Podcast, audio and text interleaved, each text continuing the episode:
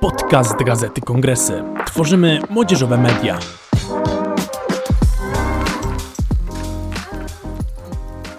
Cześć wszystkim, z tej strony Kamil Jaglarz i mam prawdziwą przyjemność prowadzić kolejny odcinek podcastu Gazety Kongresy. Dzisiaj e, moimi gośćmi są przedstawiciele Edu for Ukraine, e, Barbara Węgrzyn. Cześć. I Michał Tarnowski. Tak, to ja, cześć. I porozmawiamy zarówno o Waszej inicjatywie, jak i o raporcie, który Wasza inicjatywa przygotowała. Czym zajmuje się Wasza organizacja, no i czym Wy się zajmujecie w jej ramach? Jasne, no to może ja zacznę jako, jako współzałożyciel IDU for Ukraine. No i my tutaj w naszej organizacji postawiliśmy kilka takich fundamentalnych tez. I takie najważniejsze dla nas są takie, że żeby skutecznie pomóc edukacyjnie młodym uchodźcom z Ukrainy, to po pierwsze trzeba wykorzystać energię, e, zrozumienie tematu, e, siłę młodego pokolenia, młodych NGO-sów, NGO-sów skupiających młode osoby, e, organizacji studenckich. E, bo oczywiście te duże, doświadczone organizacje wykonują fenomenalną pracę, mają niezwykłe doświadczenie, e, no ale to my jako młode pokolenie mamy tą siłę, energię, także zrozumienie tych naszych rówieśników z Ukrainy, e, co pozwala nam pomagać, myślę, w nieco inny sposób i także, także bardzo skutecznie. Z drugiej strony, drugą taką tezą jest to, że ze względu na skalę tego problemu, bo to jest skala zupełnie niespotykana wcześniej, że konieczne jest e, zastosowanie rozwiązań skalowalnych, które oparte są na rozwiązaniach technologicznych. E, I ten gigantyczny ruch społeczny, e, który sprawia, że przeróżne osoby, organizacje chcą pomagać, chcą się angażować i chcą swoje zasoby przekazywać darmowo e, tym uchodźcom, pozwalać im z nich korzystać, sprawia, że jest teraz naprawdę bardzo dużo e, organizacji, firm, startupów, NGO-sów, nie tylko w Polsce, ale w całej Europie, chociażby w Estonii, gdzie jest naprawdę ich bardzo dużo, które już mają gotowe rozwiązania do tego, żeby wspierać takich młodych uchodźców, głównie edukacyjnie, ale często brakuje im odpowiednich drzwi wejścia tak naprawdę tutaj do kraju. My na przykład teraz jesteśmy w kontakcie z EdTech Estonia, z którymi współpracujemy bardzo blisko. Tam mamy kilkanaście startupów estońskich edukacyjnych, które już mają gotowe rozwiązania, e, które są e, wsparciem edukacyjnym, psychologicznym dla, dla młodych uchodźców. I co wychodzi w tych rozmowach? Największym problemem jest to, że oni w sobie to nie wiedzą do końca, jak się do nich dostać e, w tym momencie.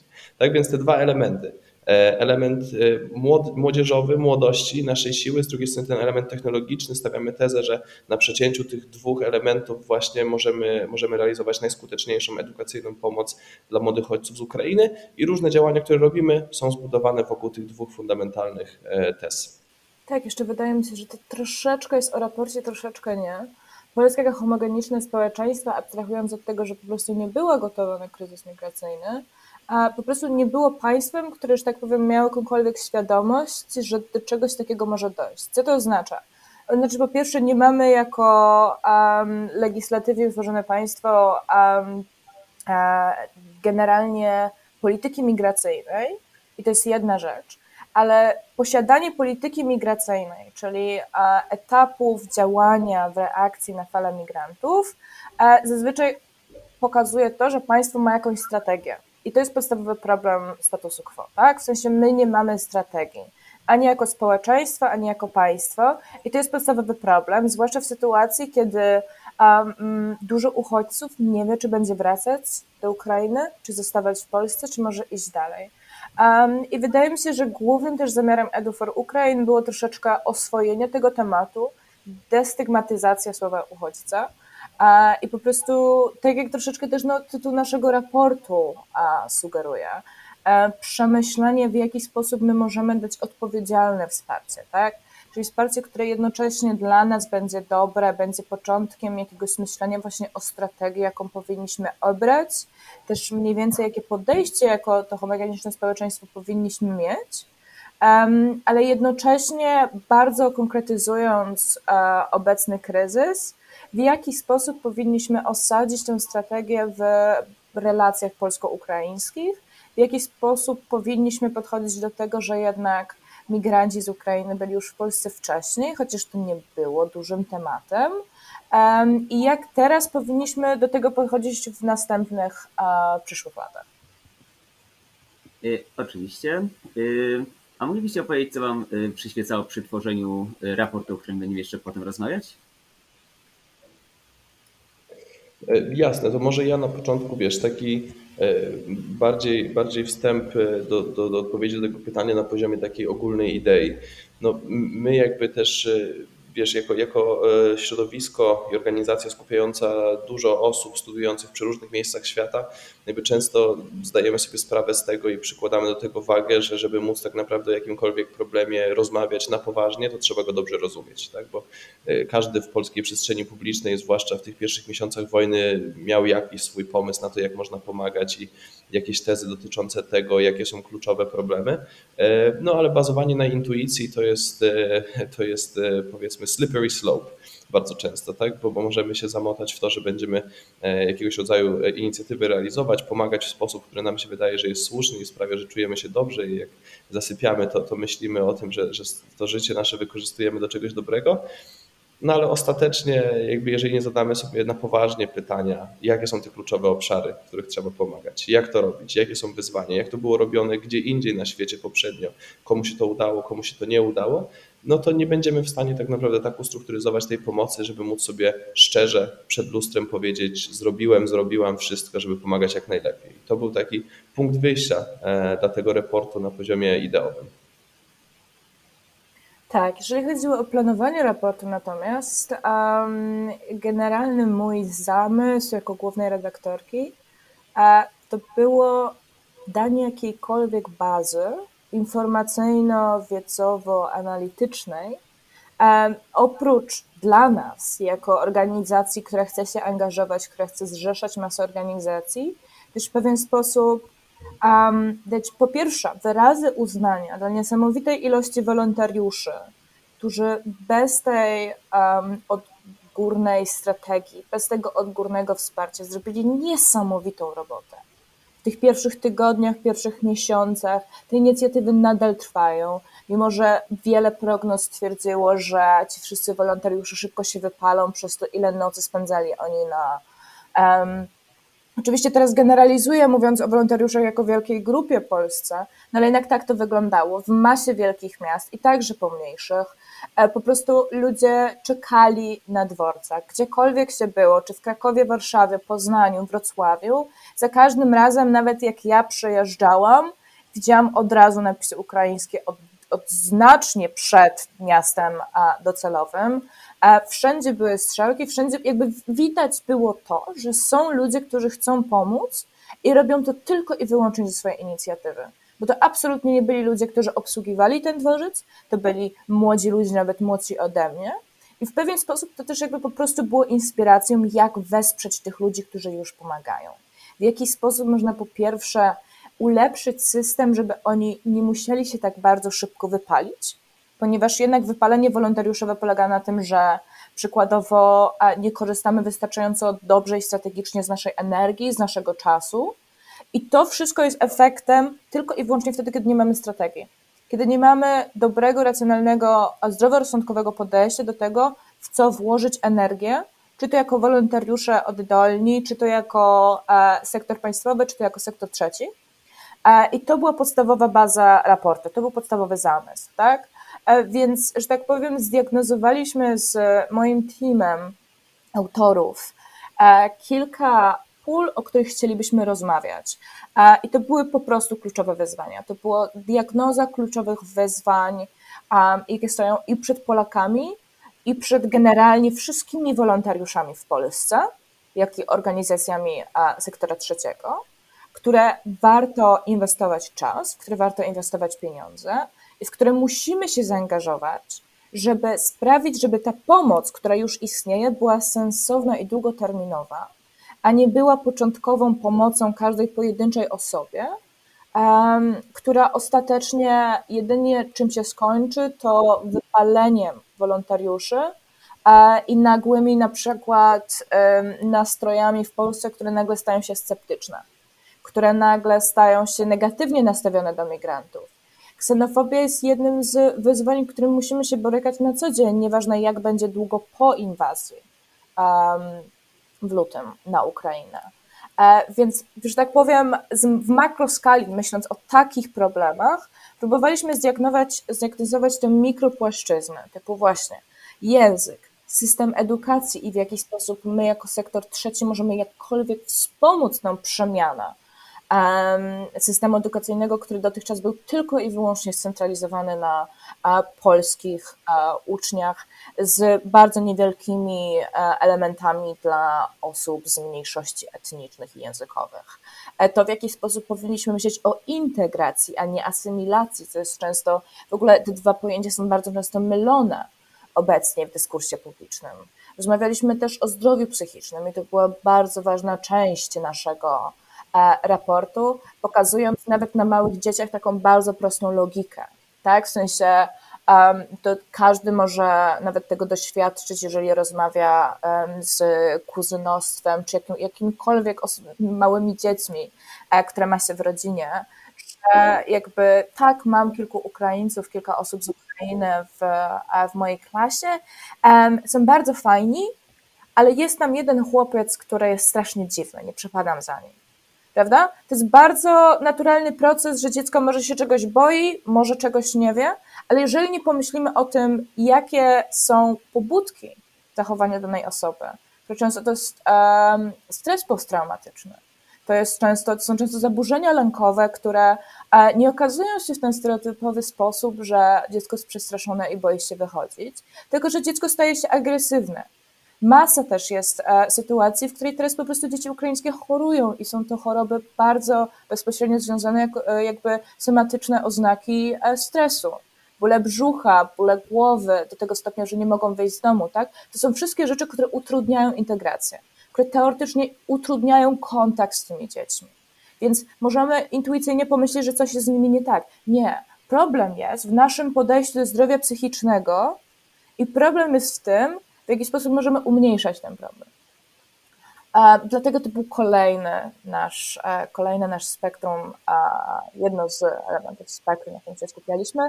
No i ostatecznie koordynacja, tak? Musimy zwracać uwagę, że pisaliśmy raport jako, że tak powiem, reprezentanci sektora trzeciego, tak? To był cały zamysł, w jaki sposób możemy udzielać um, tę pomoc nie przez wyzwania czy sugestie e, dla ministerstw, bo to już zrobiło przykładowo raport TFL, który był fenomenalny, z którego też jakby my korzystaliśmy bardzo.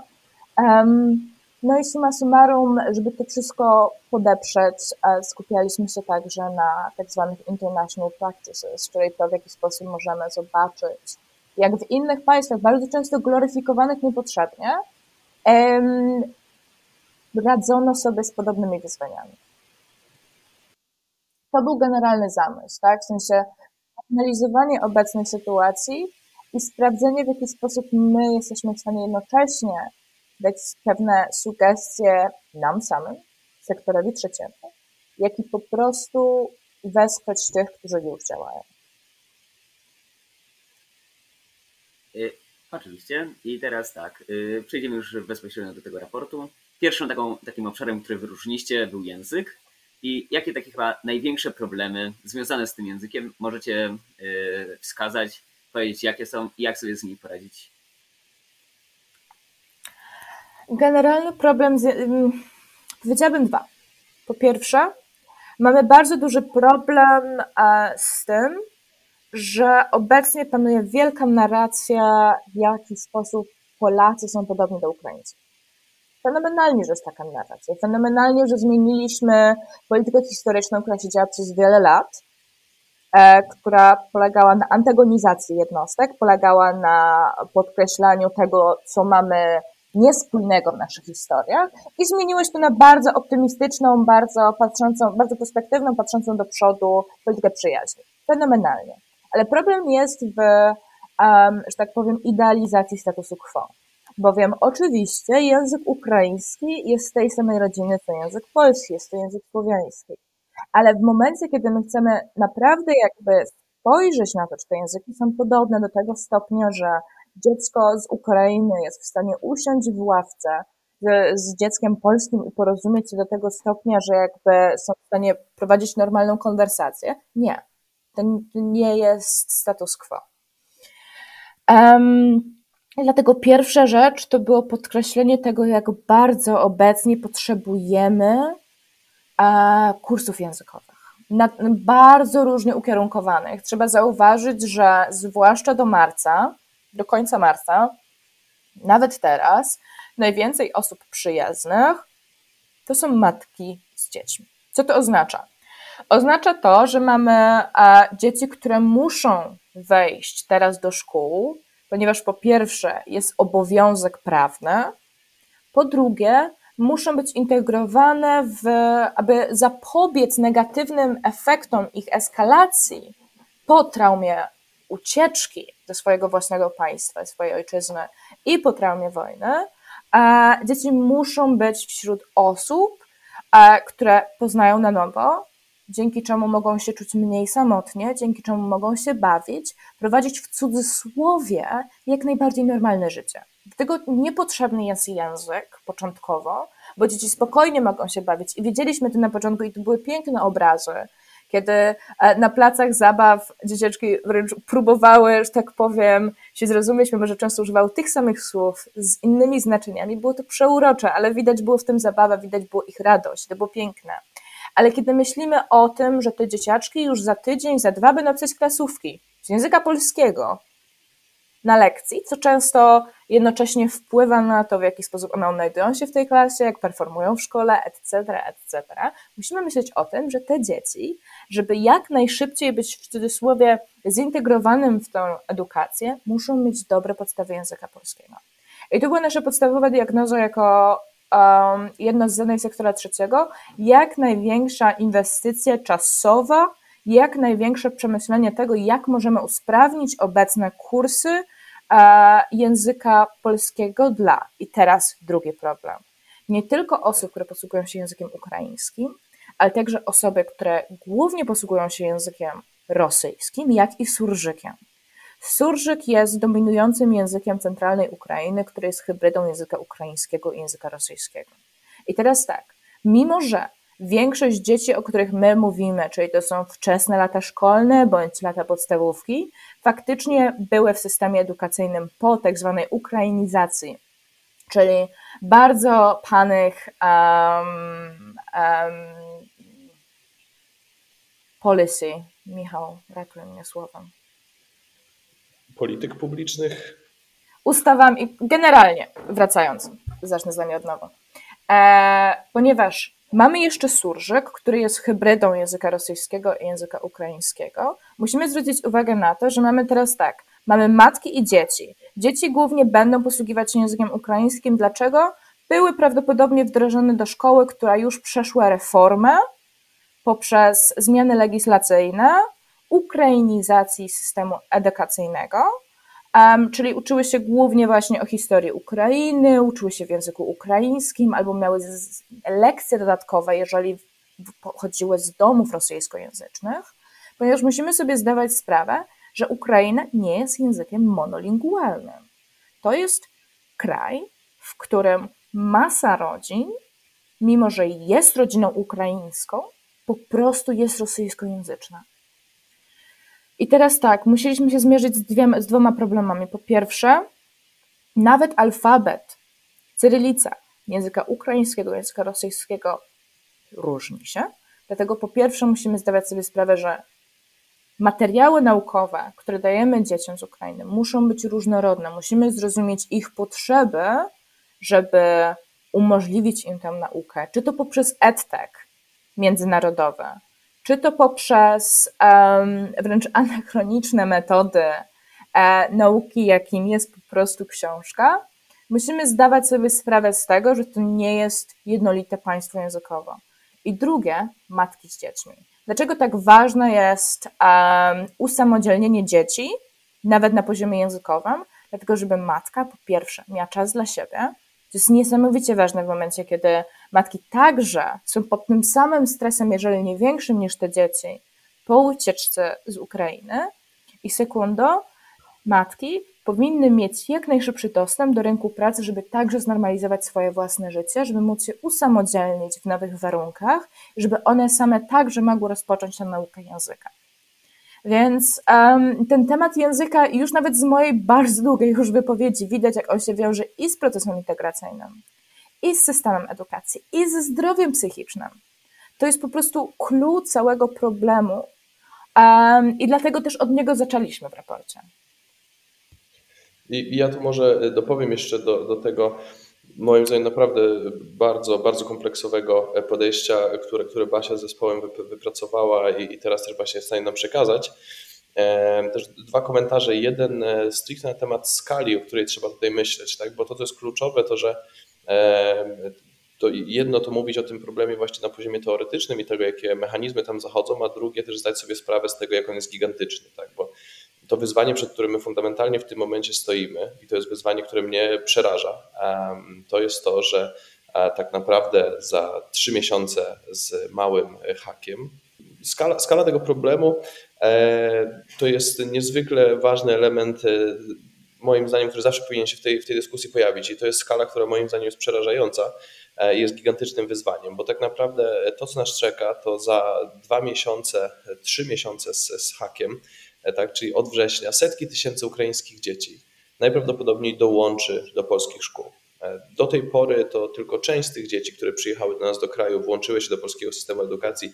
Wiele z nich pozostaje w tym ukraińskim systemie, odbywając zajęcia zdalnie, e, dzięki, dzięki platformie, którą rząd Ukrainy przygotował i którą oferuje tym, tym uczniom, e, ale te dzieci nagle dołączą do polskich szkół w gigantycznej liczbie. Te rozwiązania dotyczące nauki języka polskiego, które obecnie realizowane są czy przez trzeci sektor, czy przez samorządy, które są niezwykle ważne, one po prostu e, wydaje się, że nie są w stanie e, po prostu zaspokoić tego, tej, tej potrzeby, która jest zupełnie bezprecedensowa. E, stąd też właśnie nasze, nasze parcie i w tym kontekście e, szczególnie na kwestie edtechowe, na kwestie technologiczne.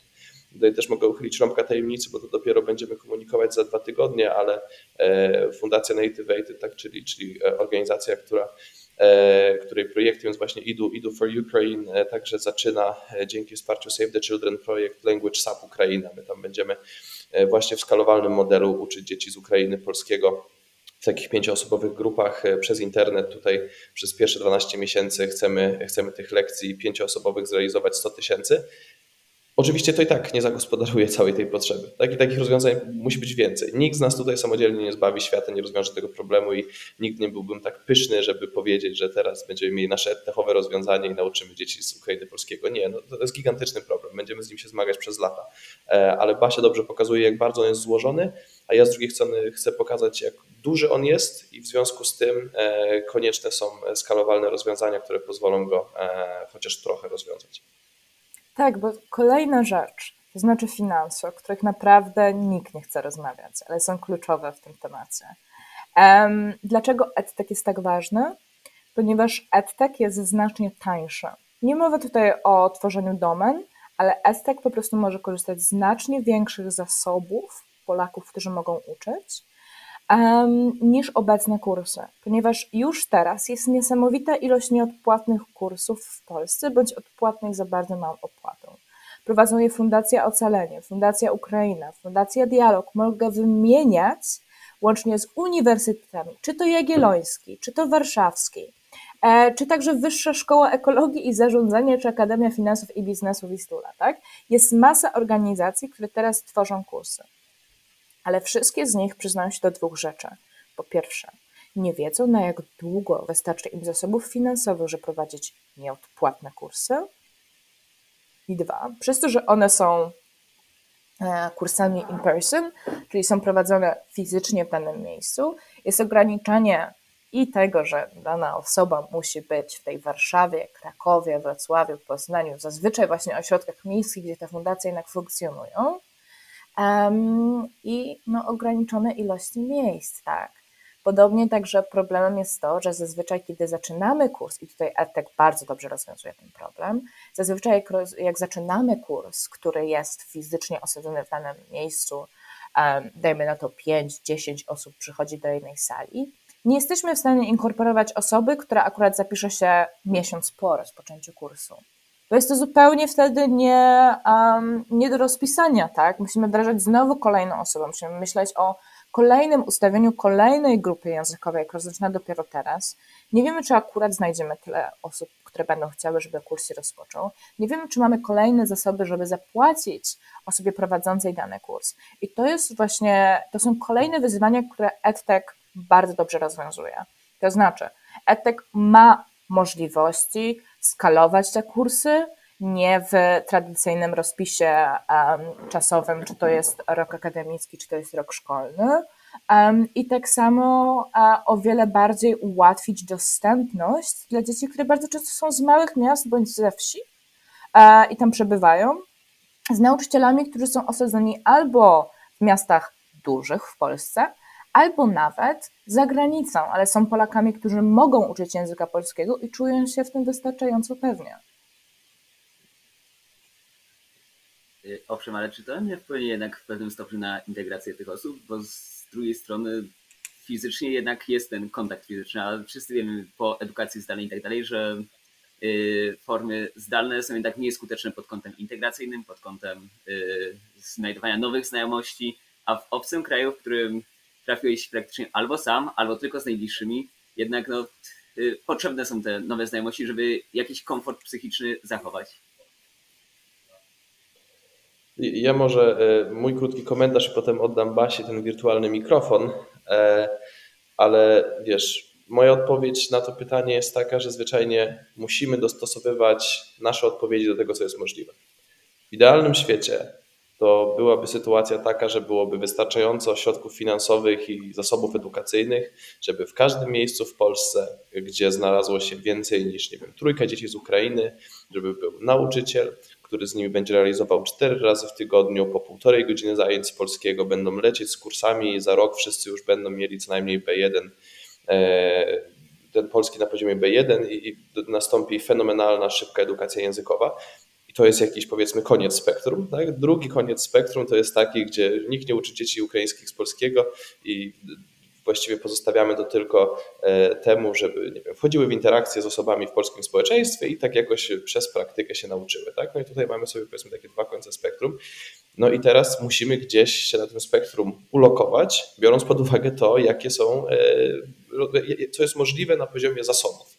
Tak? I tak tych zasobów w tym momencie jest sporo, to znaczy w Polsce pojawiły się chociażby liczne międzynarodowe organizacje czy agendy ONZ-u, które wspierają także dużo organizacji pozarządowych polskich w tego typu działaniach, e, co, co jest naprawdę gigantycznym wsparciem, no ale nie jesteśmy w stanie zrobić modelu, który jest idealny. Tak? I tak ja na przykład jestem jednak zwolennikiem tego, żeby wziąć na siebie to ryzyko, że tak, taka klasa wirtualna nigdy nam nie zastąpi tej klasy fizycznej, tej klasy, gdzie faktycznie wejdziemy w kontakt taki osobisty z drugim człowiekiem, ale wciąż to jest na przykład lepsze niż posadzenie dziecka przed kursem całkowicie biernym, gdzie ono po prostu będzie przez lato oglądać sobie po trzy wykłady w tygodniu i z nikim nie rozmawiać.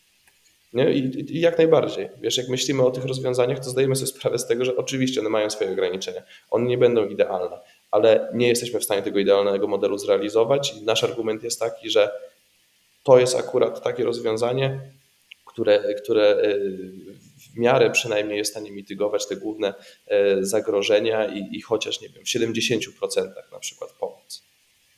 Tak, e, w pełni się zgadzam z Michałem, ale to, co jest ważne też do dodania, to to, że musimy w pewnym aspekcie rozgraniczyć naukę języka, a proces integracji. Bo zobaczmy, że porównujesz edukację zdalną, korzystającą z praktyk edtekowych, do czasu pandemii, tak? Ja pisałam maturę w trakcie pandemii, ty pewnie uczestniczysz w swoim własnym systemie edukacyjnym w trakcie pandemii, a Michał tak samo jako propagator edteków, tak samo zupełnie na swój sposób odczuł to, w jaki sposób zupełnie zmieniona została ta dynamika interakcji. Teraz mówimy o czymś innym. Tak? Pandemia nie, co prawda się nie skończyła, ale mamy zupełnie inne a, praktyki funkcjonowania już w większych zgrupowaniach, więc praktyka edtekowa nie jest zastępstwem do, do e, integracji, jest umożliwieniem tej integracji. Dlatego mamy kursy, mamy e, propozycję prowadzenia edukacji zdalnie przez dokładnie te argumenty, które powiedział Michał. I tak samo przez dostępność, przez to, w jaki sposób jesteśmy o wiele bardziej elastyczni czasowo, przez to, w jaki sposób możemy przygotować materiały, dzięki czemu dzieciaczek czy młoda osoba może sobie obejrzeć je w swoim własnym czasie i wykonać swoje własne zadania w swoim własnym czasie. I nie mówimy, że to jest zastępstwo tego, że oni funkcjonują w tej jednostce szkolnej, bądź dochodzą do e, kolejnych grup językowych we wrześniu, które są już e, w ich szkołach, czy to w ramach dodatkowych godzin, czy to w ramach po prostu e, języka polskiego. Mówimy o tym, że dajemy im dodatkowe źródło wiedzy, dodatkowe źródło edukacji, żeby ich wejście w ten system, który już zapewnia im tę integrację, czyli bycie w klasie, bycie na placu zabaw z dziećmi z okolicznych blokowisk czy z okolicznych domów, już jest ułatwione, tak? Więc teraz my nie myślimy w zakresie pandemicznym, w jaki sposób także powinniśmy usprawnić proces integracji online, bo jednak mówimy o eduka odpowiedzialnej edukacji, integracji dzieci, tak? Więc musimy brać na siebie to, że jednak ich dostęp do internetu jest ograniczony, zawsze będzie koordynowany przez rodzica. Dlatego dajemy im zajęcia językowe, proponujemy inwestycje w EdTech, żeby umożliwić im jak najpłynniejsze, jak najłatwiejsze i jak um, najlepsze dla nich wejście właśnie w te jednostki społeczne, czy mikro, jak ten już e, widać, że wielokrotnie e, ukazujący się w moich wypowiedziach plac zabaw, czy może właśnie klasę językową, czy nie wiem, grupę zajęć teatralnych w okolicznym domu kultury, cokolwiek.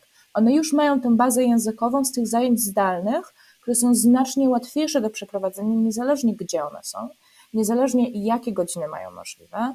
Um, i niezależnie na przykład, e, jaki mają dostęp do internetu, kiedy jesteśmy w stanie nie tylko zrobić zajęcia online na żywo, ale także nagrane materiały już dostępne w późniejszym okresie. Jedyny problem, z którym tu się borykamy, jednak to jest ze strony samorządów, ponieważ my jako sektor rzeczy niekoniecznie jesteśmy w stanie tutaj się zaangażować, to dostępność do e, technologii, dostępność do internetu, tak? Ale jednak musimy też realistycznie podejść do tego, że sytuacja nie jest aż tak zła, jak myślimy.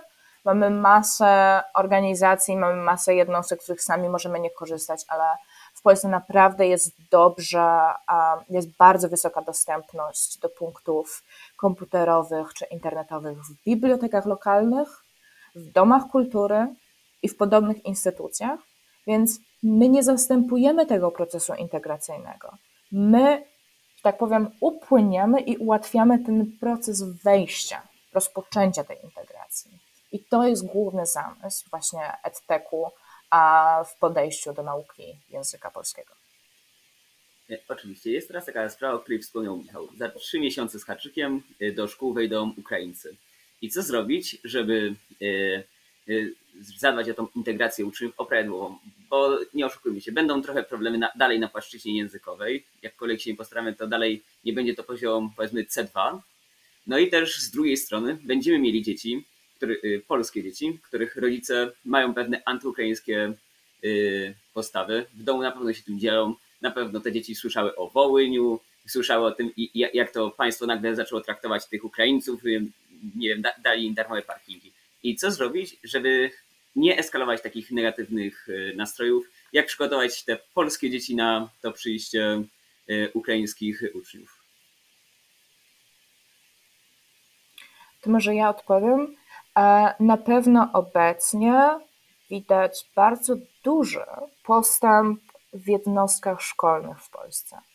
To znaczy, mamy bardzo dużą presję społeczną na bycie otwartym wobec osób pochodzenia ukraińskiego, że to osoby, które już wcześniej były w Polsce, ponieważ one są tak samo mocno dotknięte tym, co się dzieje, są tak samo narażone na e, traumę, na przerażenie, na przykładowo na przykład o przykładowo na przykład, e, jeżeli chodzi przykładowo o losy ich rodziny, która została w Ukrainie, prawda? Mamy wielkie wsparcie i to jest naprawdę niesamowite, co się stało w dyskursie publicznym, zwłaszcza, Kamil, tak jak zauważasz, że wcześniej ta polityka historyczna relacji polsko-ukraińskich była problematyczna, obecnie widzimy zmniejszenie tego problemu. Natomiast odpowiadając głównie na Twoje pytanie, jeżeli chodzi o dzieci ukraińskie, w procesach integracyjnych bardzo ważna jest świadomość tego, czego dzieci potrzebują a na co mają ochotę, co mogą chcieć robić. Prawdziwa integracja nie odbędzie się na zajęciach języka polskiego, ale już może się odbyć na zajęciach wychowania fizycznego. kiedy dzieci grają w jednej drużynie, kiedy bawią się dobrze. To są bardzo proste, wręcz intuicyjne mechanizmy, których my sobie nie zdajemy sprawy, jak są poważne w efektach. W momencie, kiedy to jest naprawdę logika dziecięca wręcz, tak? Powróćmy jakby do e, okresu szkolnictwa, kiedy super się grało z ludźmi, którzy po prostu chcieli z nami grać. To jest tak proste. I teraz trzeba przemyśleć, w jaki sposób chcielibyśmy inwestować nasz czas w to, prawda? Wspólne wycieczki, wspólne lekcje, um, oglądanie filmów, um, wspólne wyjazdy integracyjne, wszystkie te elementy, aby i dzieci polskie, i dzieci ukraińskie nie patrzyły na drugą osobę przez pryzmat tego, co się dzieje w mediach, przez pryzmat dyskursu publicznego, przez pryzmat dokładnie to, co mówiłeś, tego przykładowo, co moi rodzice w domu powiedzieli. Tylko no, to jest przykładowo Artem. Artem jest bardzo spoko. Artem dobrze gra w piłkę nożną. Lubię Artema. Prawda? To jest bardzo podstawowa logika, w którą my musimy inwestować czas, w którą my musimy pokazać dzieciom, żeby one się bawiły razem, żeby one się uczyły razem, żeby one sobie pomagały. To, o czym mówisz natomiast, to jest bardzo ciekawe, bo widzimy wręcz odwrócony trend. Zbyt dobre, w cudzysłowie, traktowanie dzieci ukraińskich. E, łatwiejsze ich dostawanie lepszych ocen, łatwiejsze dostawanie pochwał. Tak zwane e, partykularne traktowanie. To jest coś, czego nie powinniśmy mieć. To znaczy, niezależnie od tego, na jakim, z jakim doświadczeniem każde dziecko przychodzi do klasy, każde powinno być traktowane tak samo. I widać, że jest bardzo dużo warsztatów obecnie. To są rzeczy, które są ukryte, ponieważ żadne z nas nie jest obecnie w systemie edukacyjnym, ani jako nauczyciel, ani jako pedagog um, czy dyrektor e, szkoły, ale jest teraz bardzo dużo szkoleń, które są prowadzone właśnie w jakiś sposób zmieniać atmosferę w szkole, w jaki sposób prowadzić przykładowo warsztaty z chociażby empatii, chociażby z e, wspólnej jakby koegzystencji w szkole, tak? To są takie elementy, na które musimy zwracać uwagę. Natomiast dyskurs publiczny też tutaj ma bardzo duży wpływ, ale tak jak e, już mówiłam, dyskurs publiczny, musimy to podkreślić, jest zaskakująco dobry.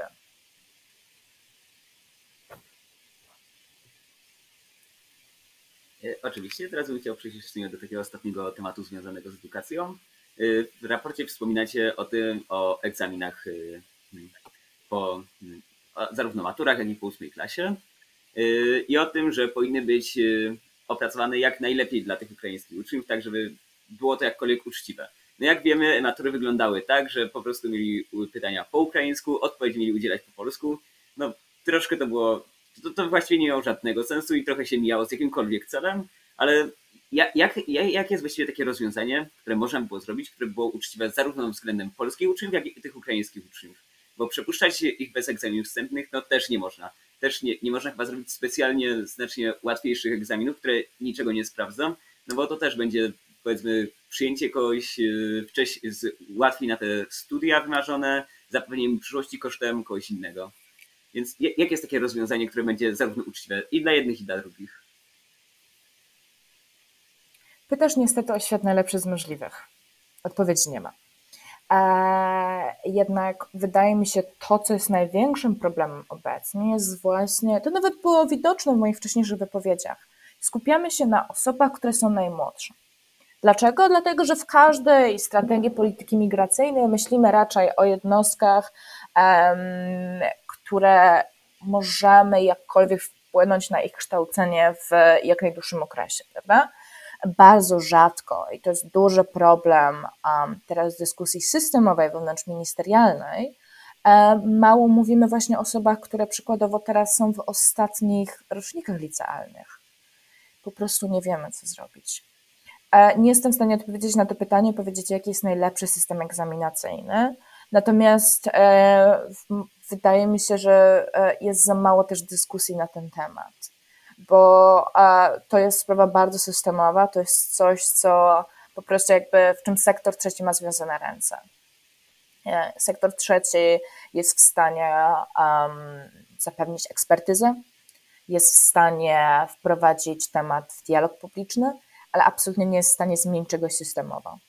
Nie ma odpowiedzi na Twoje pytanie i to jest podstawowy problem a dyskusja powinna być znacznie szersza i powinna być znacznie bardziej um, ogólnodostępna też dla ekspertów i z Ukrainy, i z Polski, ponieważ dość e, paralelicznym przykładem tematu, który bardzo jest ciężko podnieść, jest to, w jaki sposób powinniśmy podchodzić do decyzji, w którym systemie zostajemy, tak?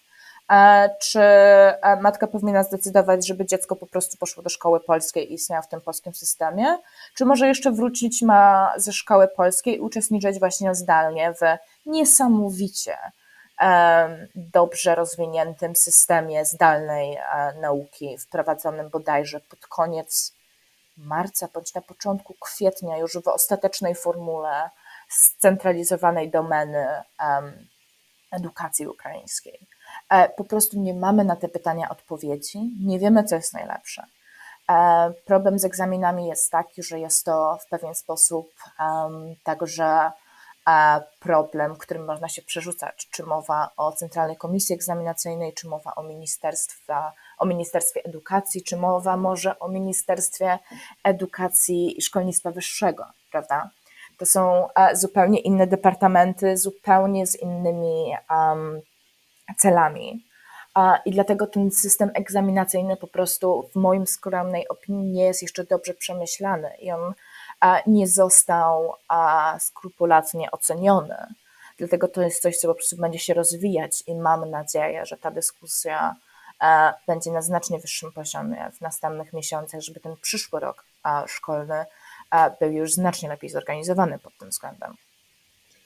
No i tutaj jeszcze, jeszcze z mojej strony taki, e, taki dodatkowy komentarz e, w tej sprawie, no bo wracając znowu do tego, co mówiłem wcześniej, do, do tego, e, jaka skala problemu jest obecnie, jaka skala jest w przyszłości, jak nie da się przed nim uciec, bo e, czytam, że do egzaminu ósmoklasisty w 2020 roku zgłosiło się nieco ponad 7 tysięcy ukraińskich uczniów.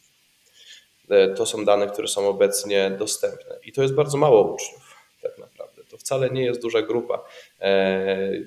Nie, nie będziemy teraz robić, e, że tak powiem, na wizji bezpośrednio wyliczeń, ale, ale możemy potem w suplemencie do podcastu e, pokusić się o małą estymację, tak naprawdę, wiesz, biorąc pod uwagę to, ile tych dzieci przyjechało do nas, ile jest prawdopodobnie w tym wieku, że mogłyby podchodzić do egzaminu, ile podchodzi, tam na pewno byłoby widać duży gap. E, I to jest tak, że on w tym momencie rzeczywiście wynika z tego, że trochę momentami problem może jest przewilczany, czasami zawieciony pod dywan, trochę rozwiązywany na zasadzie, że część dzieci nie podchodzi do tego egzaminu i nie do końca wiadomo, co dalej. E, tak, Im więcej dzieci już z Ukrainy dołączy do polskiego systemu edukacji, a to będzie konieczne od września, tym mniej możliwe już będzie rozwiązywanie tego problemu na zasadzie takiej, żeby się to rozeszło po kościach.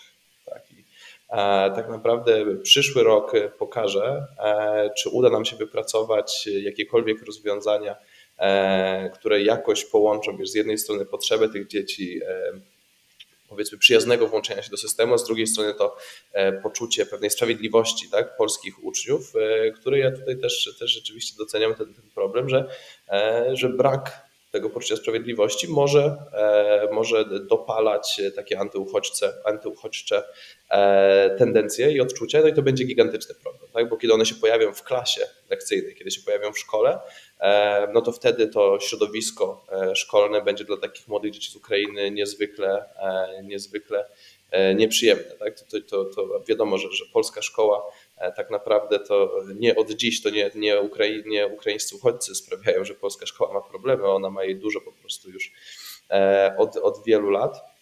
Więc e, no, ja nie jestem bardzo optymistyczny, jeżeli mielibyśmy się pokusić o jakieś prognozowanie, że uda się ten problem rozwiązać w inny sposób niż no, ostatecznie to dzieci się nauczyły polskiego przez rok, więc po prostu będą podchodzić do egzaminów tak samo jak wszyscy i jakoś to będzie. Nie? E, więc jak ja bym miał dzisiaj zrobić zakład, to założyłbym się chyba właśnie, że tak to się prawdopodobnie na koniec e, rozwiąże. E, wspominaliście wcześniej, że często mylimy słowo integracja ze słowem asymilacja. Czy moglibyście wytłumaczyć, dlaczego, jakie są takie podstawowe różnice? Dlaczego to właśnie na integrację powinniśmy stawiać, a nie na asymilację? Może tutaj przejmę pałeczkę, jako że to jest e, oczko w głowie. To była jedna z podstawowych e, rzeczy, które, na którym bardzo chciałam kłaść nacisk. Bardzo chciałam kłaść nacisk w całym raporcie, niezależnie od części.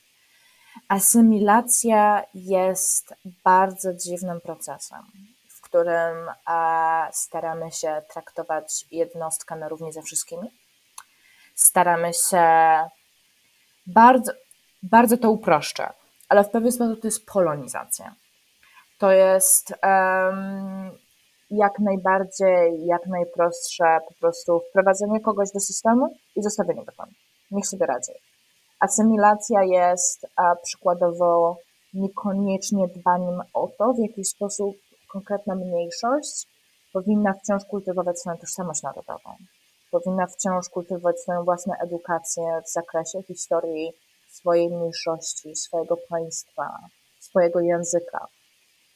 I to jest bardzo duży problem, e, bo jak jeszcze ta różnica pomiędzy asymilacją i integracją nie pojawia się tak jaskrawo, kiedy mowa o jednostkach, zaczyna być bardzo kluczowa, kiedy mówimy o milionach. Um, I teraz ja w przeciwieństwie do Michała staram się nawet sama przed sobą niekoniecznie przyznawać do tego, patrzę optymistycznie czy defetystycznie na obecną sytuację. Staram się raczej myśleć zadaniowo i analitycznie. Um, ale obecnie stoimy przed niesamowicie ciężkim wyzwaniem, że polskie społeczeństwo nie wie, jak wesprzeć jednostki jednocześnie w integracji, czyli właśnie wchodzeniu do tego systemu, ale nie jako osoba po prostu z zewnątrz i nowy uczeń, tylko jako osoba pochodzenia ukraińskiego. To zupełnie zmienia naszą świadomość o tle danej jednostki, zupełnie zmienia nasze podejście do tego, w jaki sposób powinniśmy wspierać tę jednostkę w usamodzielnieniu. Ale to usamodzielnienie nie powinno tylko i wyłącznie istnieć w tym systemie polskim. Tu mowa o edukacji, czy mowa o rynku pracy, tylko powinna istnieć w szeroko pojętej świadomości, że to jest osoba także reprezentująca zupełnie inną kulturę. To jest osoba, która powinna także móc mieć kontakt z innymi Ukraińcami. I teraz, kiedy mówimy o praktykach integracyjnych, o czym właściwie konkretnie mówimy? Mówimy o jakby instytucjach, które pozwalają Ukraińcom się spotykać, pozwalają oferować dzieciom z Ukrainy także dalsze lekcje historii Ukrainy, języka ukraińskiego, literatury ukraińskiej.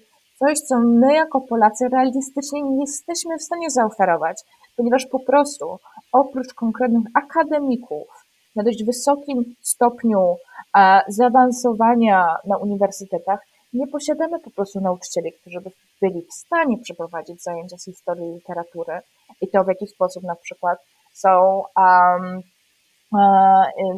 ważni um, poeci ukraińscy, którzy przecież dla Polaków są przykładowo ekwiwalentem e, Adama Mickiewicza, czy nie wiem, Henryka Sienkiewicza, tak?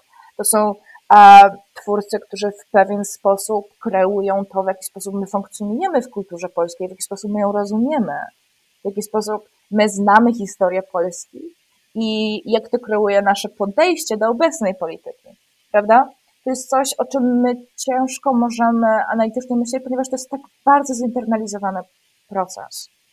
I teraz integracja jest cały czas świadomością, że my nie, po prostu, nie możemy po prostu utorować drogi do tego systemu, który już istnieje i powiedzieć radźcie sobie, my damy wam kursy języka polskiego i macie pisać te egzaminy, maturę dla Polaków, prawda? Proces integracji skupiony na tym, że my jesteśmy świadomi tych różnic i chcemy je celebrować, jest czymś zupełnie innym niż asymilacja, w której po prostu każemy komuś brać udział w tym systemie i powiedzieć radź sobie. To jest, że tak powiem, bardzo uproszczona analiza tego, w jaki sposób te um, mechanizmy się różnią, różnią. I możemy zobaczyć, jak dotychczas mieliśmy bardzo mało takich instytucji, ponieważ faktycznie podchodziliśmy do, a przed nawet rokiem 2014, podchodziliśmy do, e, w cudzysłowie, sprawy imigrantów z Ukrainy w bardzo taki, powiedziałabym, e, ignorancki sposób, tak? W sensie podchodziliśmy do tego, że to są po prostu osoby, które najczęściej są cyklicznie, sezonowo w Polsce, pracują tutaj.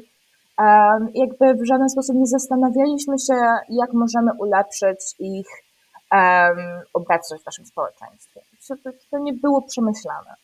Um, natomiast teraz mamy po pierwsze, tak jak Michał cały czas podkreśla, zupełnie inną skalę problemu. Nie mówię problemu jako fenomenu, a nie jako jakiegoś pejoratywnego wydarzenia. Um, I e, teraz musimy sobie zdawać sprawę także, jak zupełnie się zmienia przedział wiekowy osób, które przyjeżdżają do Polski. E, I po prostu, żeby ten proces był jak najbardziej sprawiedliwy, nie możemy tylko czegoś zaoferować uchodźcom. Musimy im dać także przestrzeń do usamodzielniania się, do kultywowania swojej własnej tożsamości, do swojej własnej ekspresji, do bycia obecnym w tym społeczeństwie polskim. Bo mimo, że cały czas myślimy w wymiarze kryzysu uchodźczego, faktyczny proces, który teraz ma miejsce w społeczeństwie polskim, jest wielka przemiana, której nie widzieliśmy od bardzo długo, od bardzo długiego okresu czasu, który będzie liczony w dekadach. Byliśmy bardzo jednolitym społeczeństwem. Obecnie widzimy reklamy, które są tylko w języku ukraińskim. Obecnie widzimy oferty, które są tylko w języku ukraińskim. Zupełnie się zmienia to, w jaki sposób nasze społeczeństwo funkcjonuje, nawet jeżeli chodzi o um, codzienny spacer. Słyszymy inny język niż język polski i widzimy, że to nie są turyści. To są bardzo to jest mikroskala tego, co się dzieje obecnie, czyli zupełnie przemiana społeczeństwa, które powinno skupiać się na integracji, żeby te różnice dalej mogły być celebrowane, żeby każdy mógł być traktowany jednocześnie jako część społeczeństwa, jednocześnie z wielką dozą wolności względem swojej własnej tożsamości i autodefinicji tego, z jakiej kultury się wywodzi, z jaką kulturą się utożsamia i jaką chce celebrować. Y, chciałbym teraz przejść już do ostatniego tematu, do zdrowia psychicznego. Y, I z jakimi problemami y, mogą się mierzyć zarówno ukraińskie dzieci, które trafiają do polskich szkół, jak i ukraińscy dorośli, którzy trafili do Polski jako uchodźcy, którzy będą chcieli podjąć pewnie jakąś pracę wcześniej czy później. I jakie to będą problemy, jak im będzie, jak im będzie można pomóc żeby sobie z, nimi, żeby sobie z nimi porali? Jest to temat rzeka, bowiem e, ponownie bardzo nie chcę oceniać dotychczasowego systemu sprzed lutego, ale w Polsce, jeżeli tylko popatrzymy nawet na jednostki szpitalne, które specjalizują się w psychiatrii dziecięcej, jest to sytuacja na poziomie krytycznym. Jest to sytuacja na poziomie bardzo, ale to bardzo grożącym bezpieczeństwu i zdrowiu najmłodszych. E, I przypominam, że najmłodszych nie w znaczeniu 10 lat, tylko to są osoby do 18 roku życia w systemie polskim. Tak? Każda osoba poniżej 18 roku życia jest traktowana jako w cudzysłowie dziecko. Nieważne, że jest na przykład właśnie, no, powiedzielibyśmy, tradycyjnie reprezentantką młodzieży. To są osoby, które bardzo często już po prostu w systemie polskim przechodzą przez zaburzenia lękowe, mają niesamowicie głębokie bądź po prostu wieloletnie depresje, co widzieliśmy, czego eskalacji widzieliśmy na niesamowitym poziomie podczas pandemii, tak? E, ponieważ ten temat zdecydowanie wypłynął w dyskursie publicznym. Natomiast teraz mówimy o czymś znacznie, znacznie ostrzejszym. E, ponieważ obecnie nie mówimy o grupach narażonych, nie mówimy o depresji, nie mówimy o zaburzeniach lękowych, mówimy o bardzo konkretnej chorobie, która wiąże się z tym wszystkim, co już wcześniej wspomniałam, i kolejnymi objawami, um, czyli o PTSD. Jest to e, zaburzenie posttraumatyczne, które dotyczy lęków, dotyczy depresji, dotyczy agresji, przerażenia. I to są wszystkie elementy, które uniemożliwiają nam funkcjonowanie e, w społeczeństwie. PTSD jest bardzo, um, bardzo badaną chorobą, ponieważ jest bardzo skomplikowana. Najczęściej nam się kojarzy z weteranami wojennymi. Natomiast e, PTSD także dotyczy po prostu osób, które musiły skądś uciekać. Jak to ktoś kiedyś powiedział, to jest po prostu trauma, dotyczy za dużo bądź za mało jakiegoś bodźca w bardzo krótkim okresie czasowym. Kiedy pomyślimy o losach każdej osoby uciekającej z Ukrainy, mamy tych bodźców niesamowicie dużo. W momencie, kiedy mówimy przykładowo o dzieciach, nie jesteśmy po prostu w stanie stwierdzić nawet, jak niesamowita skala musi być um, tego problemu. I teraz tak, pierwszy problem jest diagnoza. To znaczy, oczywiście założenie jest takie, że masa osób może cierpieć obecnie na PTSD bądź po prostu zaburzenia lękowe, zaburzenia depresyjne po po przyjeździe do Polski, bądź nawet zachorować już w Polsce przez bardzo zawyżone poziomy stresu, jeżeli chodzi o poczucie samotności, jeżeli chodzi o poziomy poczucia e, się wykluczonym, niedostępność e, wielu elementów, czy po prostu strach o rodzinę. I teraz tak, to co my uznaliśmy, że musi być po prostu kluczowe teraz do rozwiązania, to po pierwsze dostępność pomocy E, w Polsce obecnie każda jednostka szkolna musi mieć przynajmniej jedną osobę, która zajmuje się opieką psychologiczną, jednak nie zawsze jest to osoba, która jest wystarczająco kompetentna, żeby udzielić wystarczającej pomocy. Dlatego to, na czym my się skupiliśmy, to to, żeby jednak trzeci sektor umożliwił jak największy, jak najszerszy dostęp także e, do prywatnych konsultantów, e, bo jest ich masa, którzy E, dla osób ukraińskiego pochodzenia e, za darmo udzielają i diagnoz, e, i pomocy. Jednak problem polega na tym, że to są zaburzenia, których my nie, nie wyleczymy jednym lekiem. Nawet terapia lekowa, czy to hydroksyzyną, czy lekami psychotropowymi, trwa, trwa w wielu przypadkach lata to nie są wyjątkowo duże koszty, bo zazwyczaj leki są tanie, ale oznacza to cykliczne spotkania z danym, uh, danym lekarzem i cykliczne recepty, prawda?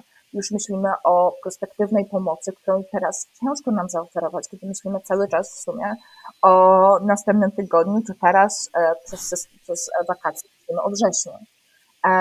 Natomiast to, co zdecydowanie jest najważniejsze, to po pierwsze zwiększenie świadomości i to jest coś, co rzeczywiście ma miejsce w Polsce i staje się tematem dyskusji publicznej i rzeczywiście zauważamy znacznie większą świadomość tego, jak zdrowie psychiczne jest ważne.